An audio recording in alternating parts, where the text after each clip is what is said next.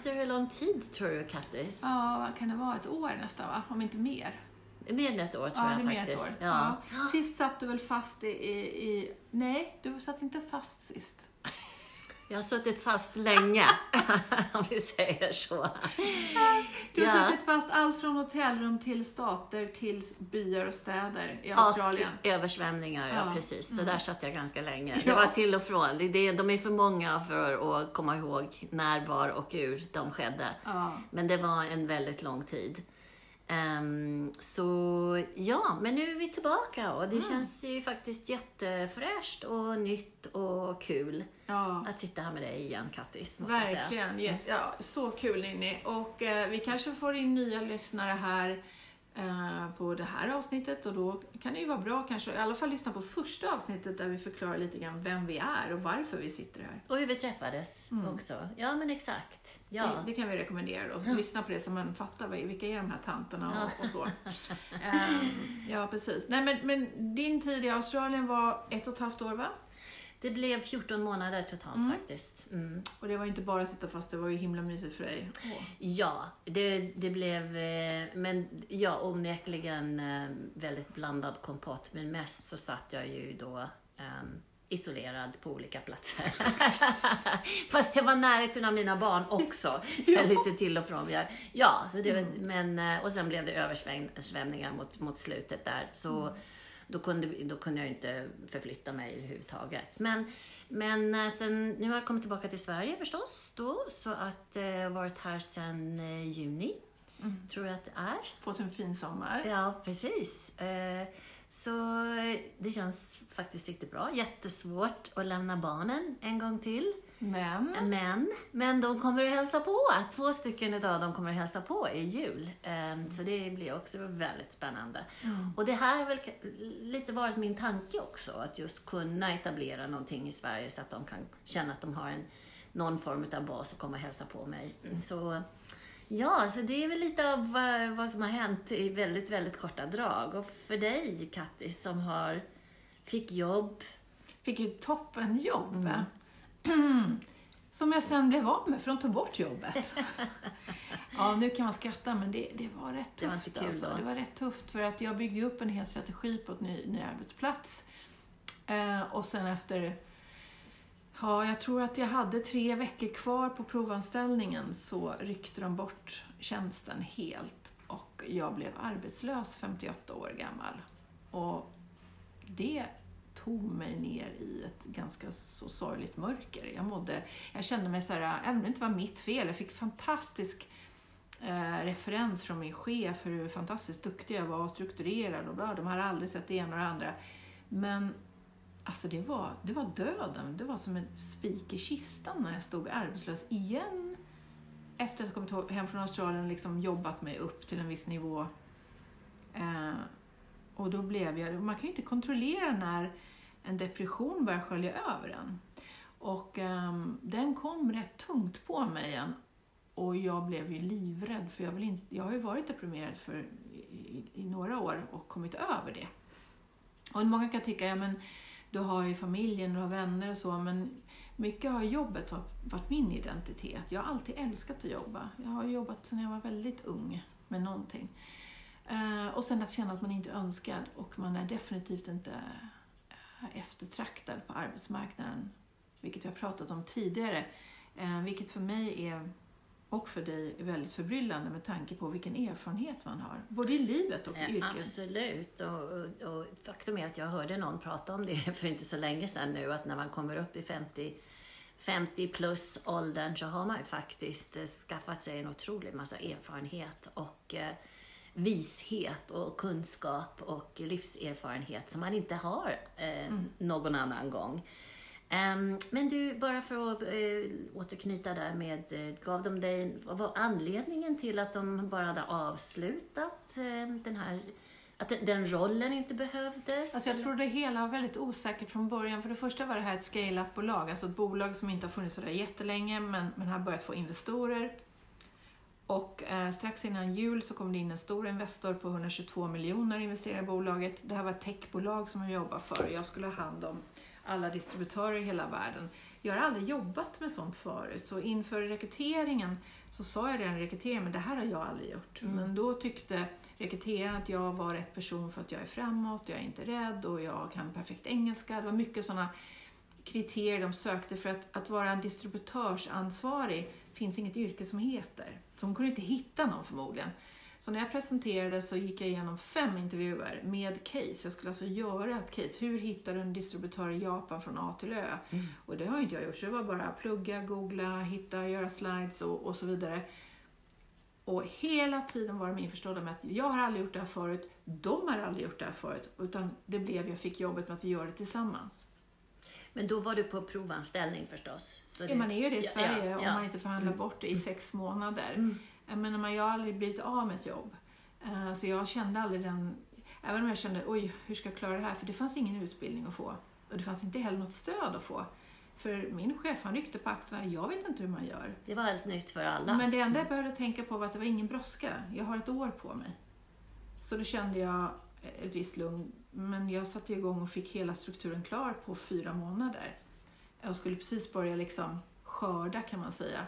När de då beslutar sig för, de säger att det var de nya, investerarna som tittade på siffror ut och siffror in som tyckte att en sån här person har vi inte riktigt råd att ha när det inte drar in pengar. Och det kanske kommer ta två, tre år innan det börjar dra in pengar, eller ett år, inte vet jag. Eh, Jag tror att det skulle kanske tagit ytterligare sex månader innan det börjar dra in pengar.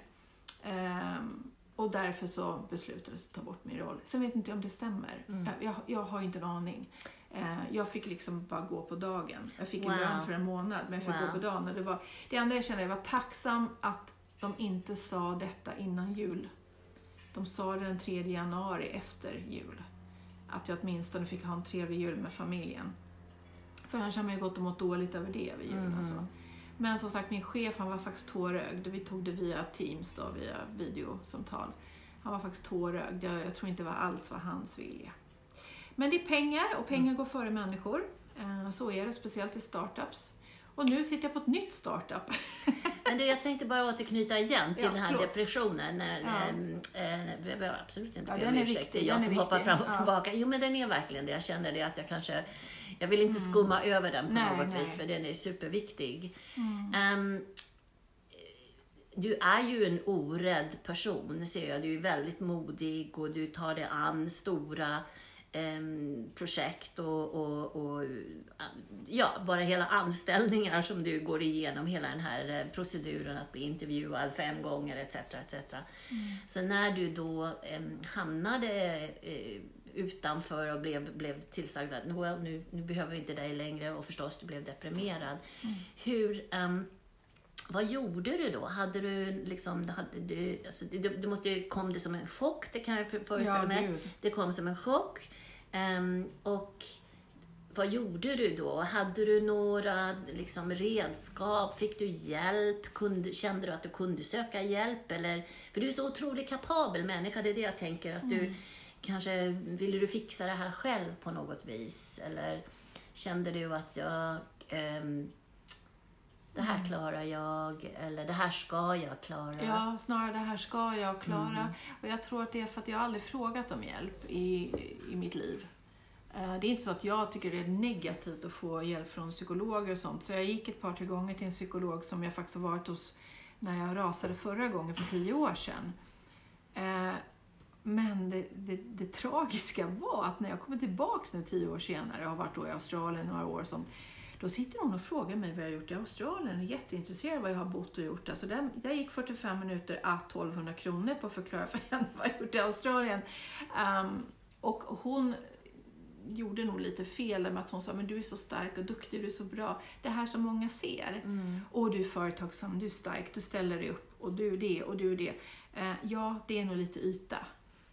För på insidan Ja. är det inte så. På insidan är jag liten, förvirrad, jag gråter och känner mig väldigt ensam. Mm. Ehm, eh, så att eh, det var ett försök till att, att börja prata med någon igen. Men det tog ju några månader innan jag gick dit. Ehm, nej, faktiskt. Alltså jag, jag hade ju ett måste och det är ju att söka jobb hela tiden. Alltså jag skrev ju, jag tror jag skickade in cirka 20 stycken ansökningar som jag är fullt kapabel Så och mer pang däröver. på rödbetan igen. Ja, ja, det ja. var det, liksom, det du- finns inget annat. Nej. Jag måste ha Mm. ett jobb för jag vet Mm. att ju längre jag väntar desto mer åker jag ner i, trum, eh, ner i, i virveln, liksom, i avloppet. Så att eh, eh jag, jag skrev nog 20 jobbsökningar i månaden eh, till jobb som jag vet jag är mer än kapabel till och får inte ens svar av 60 procent eller 70 procent nästan. 30 procent skriver bara att de har hittat någon annan som passar bättre för rollen. Eh, och eh, där, där vet man att det har att göra med i och med att jag jobbar inom marknadsföring, vilket är lite ballbransch, så ska man gärna vara 30 år, eh, ball, tjej eller kille. Frågar de efter ålder då, alltså, eller får man skriva det eh, själv? De kan ju lätt söka på mitt efternamn. Där ser de Mm. direkt hur gammal jag är. Mm. Eh, jag skriver inte det i min CV faktiskt. Jag har bild på mig själv, där jag ser ung och fräsch upp, alltså ung, men jag ser liksom pigg ut. Och sen så står det om mig och sen har jag så långt CV så jag kan inte skriva allt, men eh, tar ut vissa punkter. Och sen finns det ju en och annan som ser de här små som sakerna som sticker ut och då hör av sig. Eh, och sen så kommer ju allt ibland i klump. Och det gjorde det precis nu när jag fick jag ringde bekant som jag vet känner allt och alla och så säger han, det var lustigt sen, men jag har precis börjat bli headhuntad för ett, ett stort bolag och du är ju verkligen en kandidat. Jag visste inte att du inte hade jobb. Du är liksom fantastisk för många av de här jobben. Det är lite högre poster inom marknadsföring, försäljning. Och två dagar senare hade jag en intervju och en vecka efter det hade jag ett jobb. Så det, det är väldigt mycket är kontakter Mm. som verkligen vet vad man går för, som kan prata för en, en rekryteringsfirma som verkligen vet. Och det var ju likadant för det förra jobbet. Det var ju en rekryteringsfirma som fått en rekommendation på mig. Men eh, för att hjälpa mig själv så, alltså helt ärligt, jag tror att många kan känna igen sig. Jag tror jag tittar på serier typ så här 9-12 timmar om dagen ibland. För att komma in i en annan värld. Och För jag vill inte se, tänka. jag vill ja. se min Mm. verklighet liksom. Eh, det var mörkt och grått ute, det var januari, februari, mars, april. Och jag kunde inte vara ledig, jag kunde inte åka och göra någonting för jag kände att jag måste hitta ett jobb först. Ja, du Och så vill inte jag- spendera några pengar heller förstås. Nej, precis. Mm. Även om jag hade en inkomstförsäkring som gör att jag har ett eh, helt okej inkomst då under tiden. Men, men att det här att jag kan, man kan inte ta ledigt och ta semester och ha oro i kroppen och inte veta om man har ett jobb. Och sen så fort jag fick svar då i juni, då åkte jag ner till mamma i Frankrike så var jag där nästan en månad. Och så har jag precis börjat jobba där och det är jättekul. Förlåt, nu har jag pratat Nej jättemycket. men wow, grattis, grattis, grattis um, Kattis. Det är jätteroligt att du har hittat tillbaka till ehm, Mm. eh, att få ett jobb och som du trivs med, i en, Ja. en, en miljö som du trivs med. Mm. Ehm, eh, och och, och eh, vad skulle du, skulle du säga någonting till en, om man, man nu förlorar sitt arbete eller angående, depression är ju ett sånt otroligt stort område. Mm. Och den är så olika för Ja, olika men människor. exakt. Och hur man hanterar och vad man behöver göra. Och vad man orkar. För är det Mm. någonting som depressionen gör så är det att göra en trött och orkeslös. Och vill. Den har som en stor vilja. Som en, jag ser den som en oljefilt som är iskall på, som, som bara lägger sig över den och bara trycker ner den och vill inte att du ska orka ställa dig upp. Det är som att ett monster som har en egen vilja lite grann som du måste slåss mot när du mår som sämst. Det är Mm. det som jag har upplevt som det svåra. Jag pratade faktiskt med en väninna här, en, en bekant ska jag säga, häromdagen som nu har varit, blivit arbetslös i vår ålder, lika gammal. Det började med att hon blev sjukskriven för någon slags eh, depressioner och var det under ett år. Och sen började hon prov, vad heter det, ehm, arbeta lite grann, eh, arbetsträna. Då brukar man gå in 20-30 procent tror jag det är. Börja göra det en period och sen avskedar de henne och säger att de tror inte att eh, hon ska vara kvar. Wow. Och då, vad händer då? Ja, då går du ner i samma jävla hål igen. wow. Jag såg det i hennes ögon att hon har fixat till sig, hon, Mm. hon ska gå på en tjejmiddag och så, men jag kände med henne verkligen. Mm. Och vad många det är där Mm. ute som är just 50 plus. Mm. För det är att vi är livrädda att vi inte ska få in en fot igen. Och vi är snart det, då tänker jag så här, men ja, 58, 59 år. Du ska ju gå pension snart. Dig är det inte lönt att anställa. Tvärtom. Ja, precis. Tvärtom. Plus att det är långt kvar. Jag vill Tio jobba tio år. år till. tio år är en lång Ja. tid. Visst, minst tio år till. Ja, precis. Man kanske till och med hinner höja pensionsåldern mellan Ja. den tiden. Jag menar, du är, du är, vad är du, nio år äldre än mig. Jag blir du, 68 i Ja, år. och du Mm. jobbar ju gladeligen och tar det du får. och- Alltså jag måste ju Ja. jobba. jag skrattar nu, men det var fast inte kul när jag kom hem. För då hade jag förlorat min, eh, min pension faktiskt när jag kom tillbaka. Eh, Jag hade varit borta över 12 månader. Det här hade jag ju ingen aning om. Mm. Jag visste ju inte att jag skulle vara borta så länge. Det, Nej, du Eh. sa ju till och med kanske borta tre månader, Ja sex men, månader. ja men exakt, det var väl tanken. Jag skulle ju bara åka och hälsa på min dotter som, Mm. och, och barnen och som fyllde tre- 30 år och så lite annat runt omkring. Men eh, så eh, när jag kom tillbaka då var jag helt enkelt utskriven ur Pensionsmyndigheten. Tack och lov var jag inte utskriven i hela skattesystemet. Så det, det var ju en jäkla tur. Men eh, så jag fick ju börja om från början igen, i princip. Hittade en jättetrevlig handläggare som tur var, men det var mycket, mycket bök och stök för att komma tillbaka. Och jag har ju en minimal gar- garantipension som alltså, Mm. det, ja. Ehm, det är väl en, jag vet inte, det är kanske mer en politisk fråga än någonting ja, annat. det räcker till paket kex i alla fall. Ja, precis. Men hur som helst, jag har lyckats ehm, eh, hålla mig vid liv på, på många andra sätt. Eh, så, ehm, och så kompisar, man får fira kompislägenhet och så vidare. och så vidare. Ehm, men det innebär ju trots allt att jag måste arbeta och på samma gång som jag, jag är glad för det, för jag tycker om att arbeta. Jag tycker om att vara... Men det är ju också... så när, när, det, när det är ett måste, då är det en helt annan sak. Så nu jag har jobbat lite med, med vänner som har skoaffär, så det har varit toppen och supertacksam för det. Och sen kommer valrörelsen här, så jag då skrev till dem och fick vara med och eh, ska väl nu jobba som rösträknare. Räkna nu rätt. Ja. Så vi får hoppas att Ninni jag fortfarande... avgjorde valet. Ja, precis. Rösträkning. Jag kanske får något diplom för att jag var så himla duktig på att räkna röster. Ja. Ja, så det ska jag göra. Det är eh, förhoppningsvis två veckor. Och sen håller jag faktiskt på, jag sökte en del statist och, eh, statistjobb och reklamjobb och sådär. Men, eh, och, så det kommer jag ju fortsätta med då. Men vi pratar om anställning. Jag kan inte riktigt se vem det är nu- som skulle anst- vilja anställa mig. Alltså det, det, Det får bli sådana ströjobb. Ja, och faktum är att jag tycker att det är ganska så behagligt. Det, jag har min tid mer för mig själv också. Ehm, och ehm, den är ju värdefull. Ehm, ja, så vi, vi får se helt enkelt. Men jag, jag har den här känslan av att vad gör man i, med kvinnor i vår ålder som kanske inte har den här lyxen att veta och har en liten känsla av för, för framtiden. Hur ser den ut? Ja, det är klart att vi skapar vår egen framtid så mycket som det är möjligt. Men också en känsla av att eh, hur viktigt är det för vissa personer? Jag är ju ganska så van vid liksom, att think on my feet och, och jag har inga stora omkostnader, jag har inga lån, sådana här saker. Medan eh, andra kvinnor, framförallt då i, i vår ålder, kanske sitter fast på ett helt annat sätt eller eh, har helt, andra behov. Så jag är väldigt fri eh, och van att vara fri och van att flyta runt och, eh, på, på gott och ont.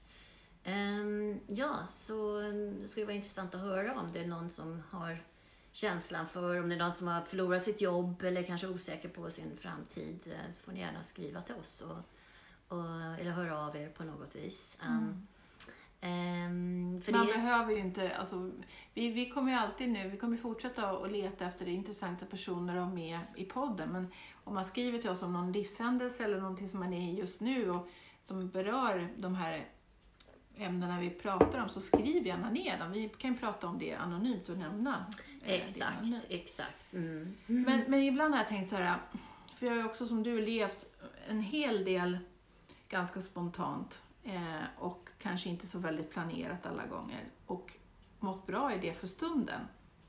Men så jag tänkt så här, är det det som kommer i kappen nu? Att Mm. du kanske borde ha planerat lite bättre, haft lite stadigare där och haft lite pengar där och bostad där. Och, alltså, det kan jag känna, är det ett, är det ett straff för det här roliga du haft? Eh, som jag, när jag träffade min, min barndom, eller ungdomskärlek som eh, han, eh, han och jag, vi var så förälskade. Jag var väl, var jag, 16 och han 18 när vi träffades, en engelsman.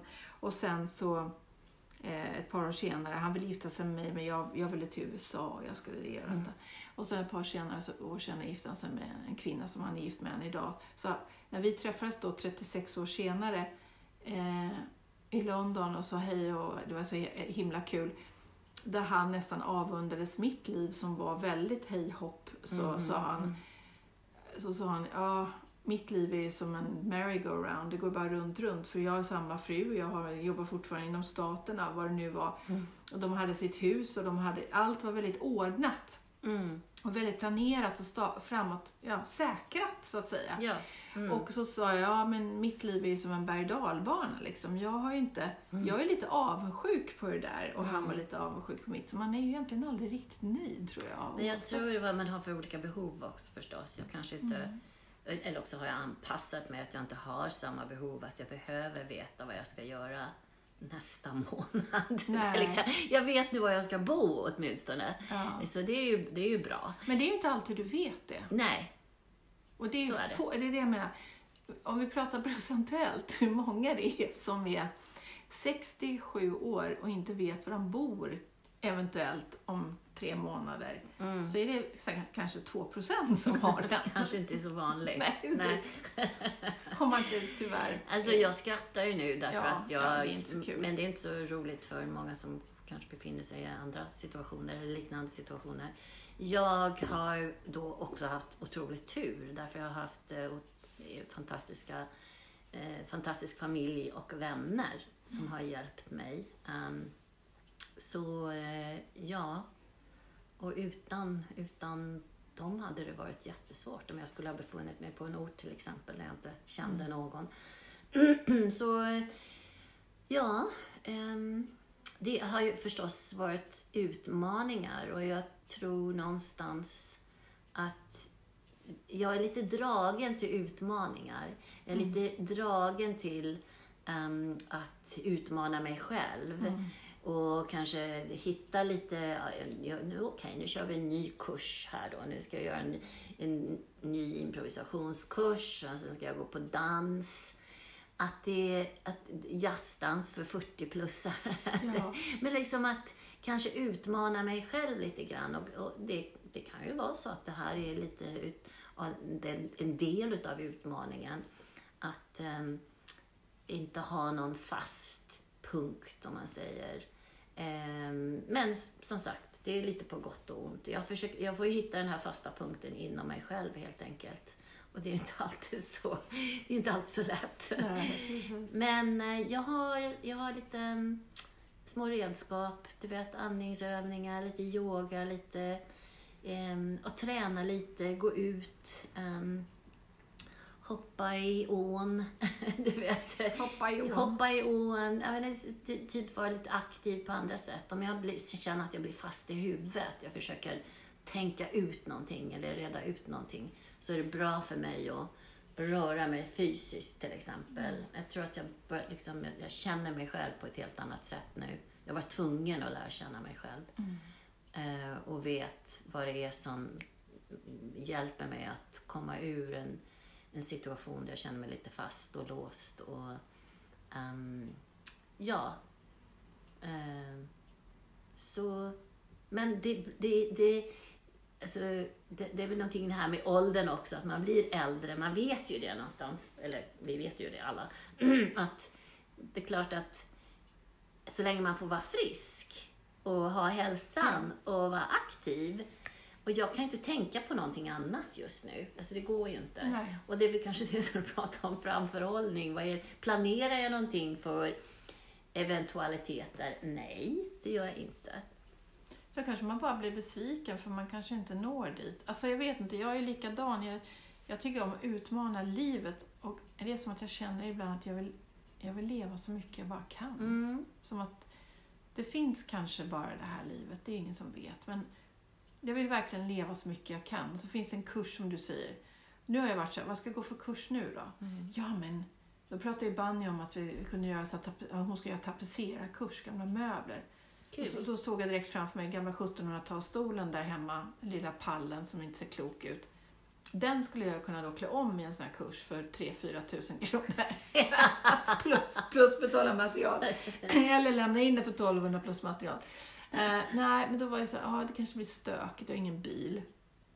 Men silversmide Mhm. och, och, och det, men det- kan jag det? Alltså det är så här, men jag tycker det är väldigt kul. Men nu har jag ju fastnat så mycket impro. Det är ju bara improvisationsteater nu för hela slanten.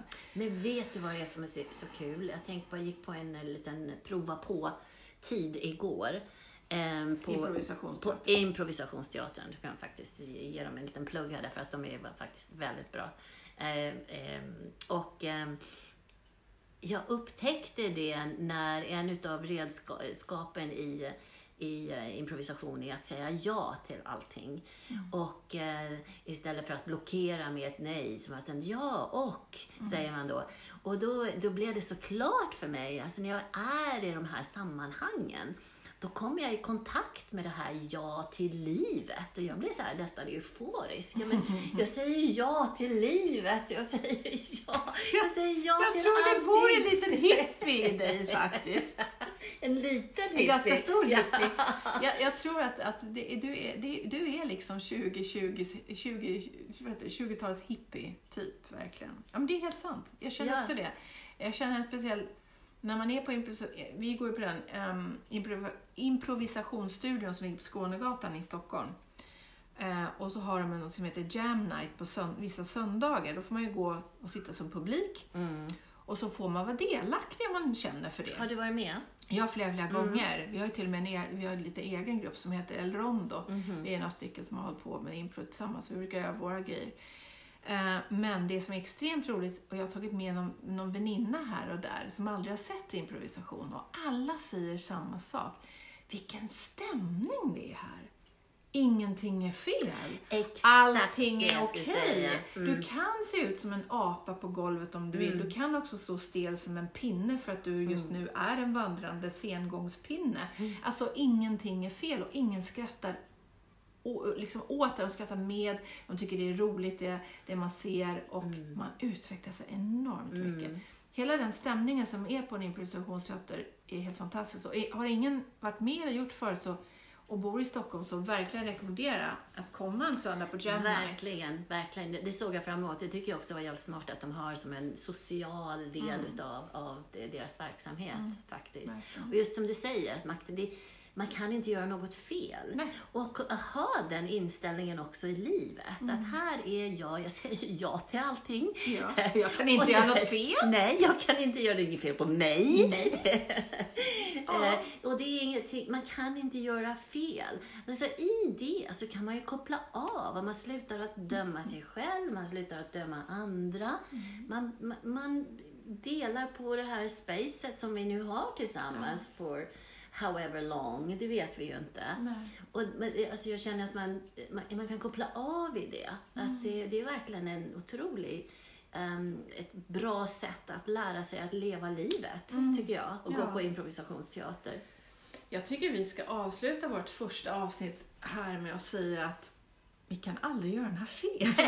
Precis, bara så att ni vet. Och bejaka livet. Eh, Ja, ja, och så eh, får vi fortsätta lägga upp måndagar framöver. Om det blir varannan måndag eller varje måndag, det, det vet vi inte det vet vi inte. Vi kan ju börja med varje måndag nu och sen får vi se om vi, om vi tröttnar. Exakt. Ja, men alltså det är jättekul att vara tillbaka, Kattis. Skoj. Ja, verkligen. Och just nu, om någon känner någon som känner någon, vi letar efter producent, eh, någon som kan hjälpa oss att lyfta podden lite grann. Eh, vi har varit i kontakt med några, så shout out for us om ni tycker om den här podden. Ja, jättekul. Meddela oss. Och tusen tack för att ni eh, hänger med oss igen. Jättekul. Ha det bra. Bye, hejdå.